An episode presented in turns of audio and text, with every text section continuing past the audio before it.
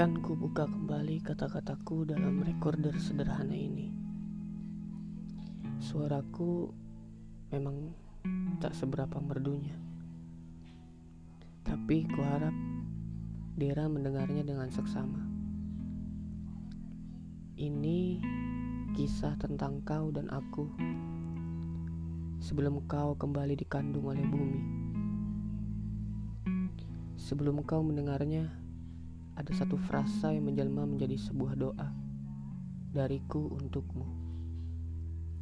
Damai selalu, tenang di sana. Jangan pernah lupakan aku, dan aku akan menyusulmu.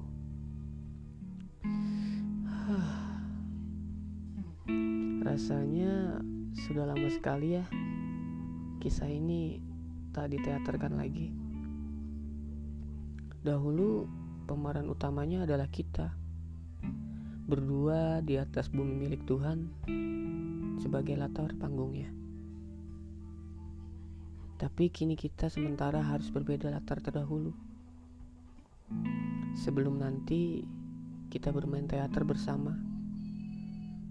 Mungkin di surga. Tuhan Sang Dalang meminta kita untuk memerankan mimik sedih dan gulita sementara. Katanya sih ini cuma acting saja. Dalang memang aneh Dera. Kadang kita diajak satu panggung bersama dan terkadang juga kita disuruh memerankan lakon yang berbeda. Tapi semua itu hanya sekelumit perumpamaan saja agar aku tak terlalu sedih berpisah dunia denganmu. Oh iya, ada yang ingin kubagi denganmu. Semalam aku bermimpi melihat bayangan kelabu di atas rumah tanahmu. Kupikir kau bangkit dari kuburmu. Lucunya, setelah bangun, aku buru-buru lari ke pelataran rumah sambil membawa keranjang bunga dan kupetik bunga kertas, bunga kantil, dan satu lagi. Tak lupa satu bunga mawar merah kesukaanmu.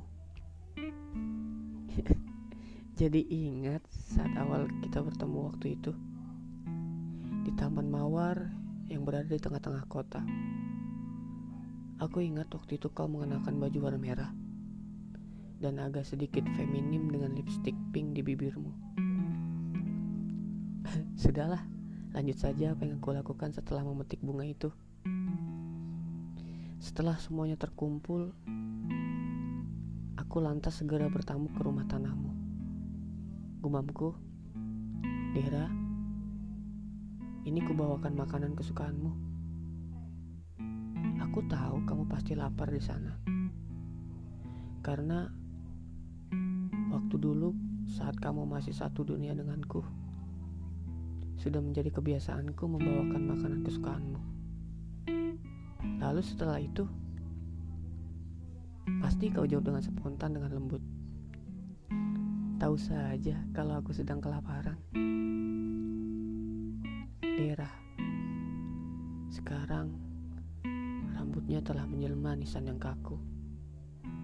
Bajumu melulu hanya itu, putih saja. Badanmu pun sekarang tak terlembut dulu. Sebab saat kuusap hanya tanah yang kutemu. Suaramu sekarang berbeda. Tak semerdu dulu. Kini dirimu menjelma menjadi seorang yang bisu. Lihat saja, kubawakan makanan kesukaanmu. Kau hanya diam saja sambil bersembunyi di bawah tanah itu. Dera, ayo keluar. Jangan sembunyi seperti itu. Aku rindu. Aku rindu.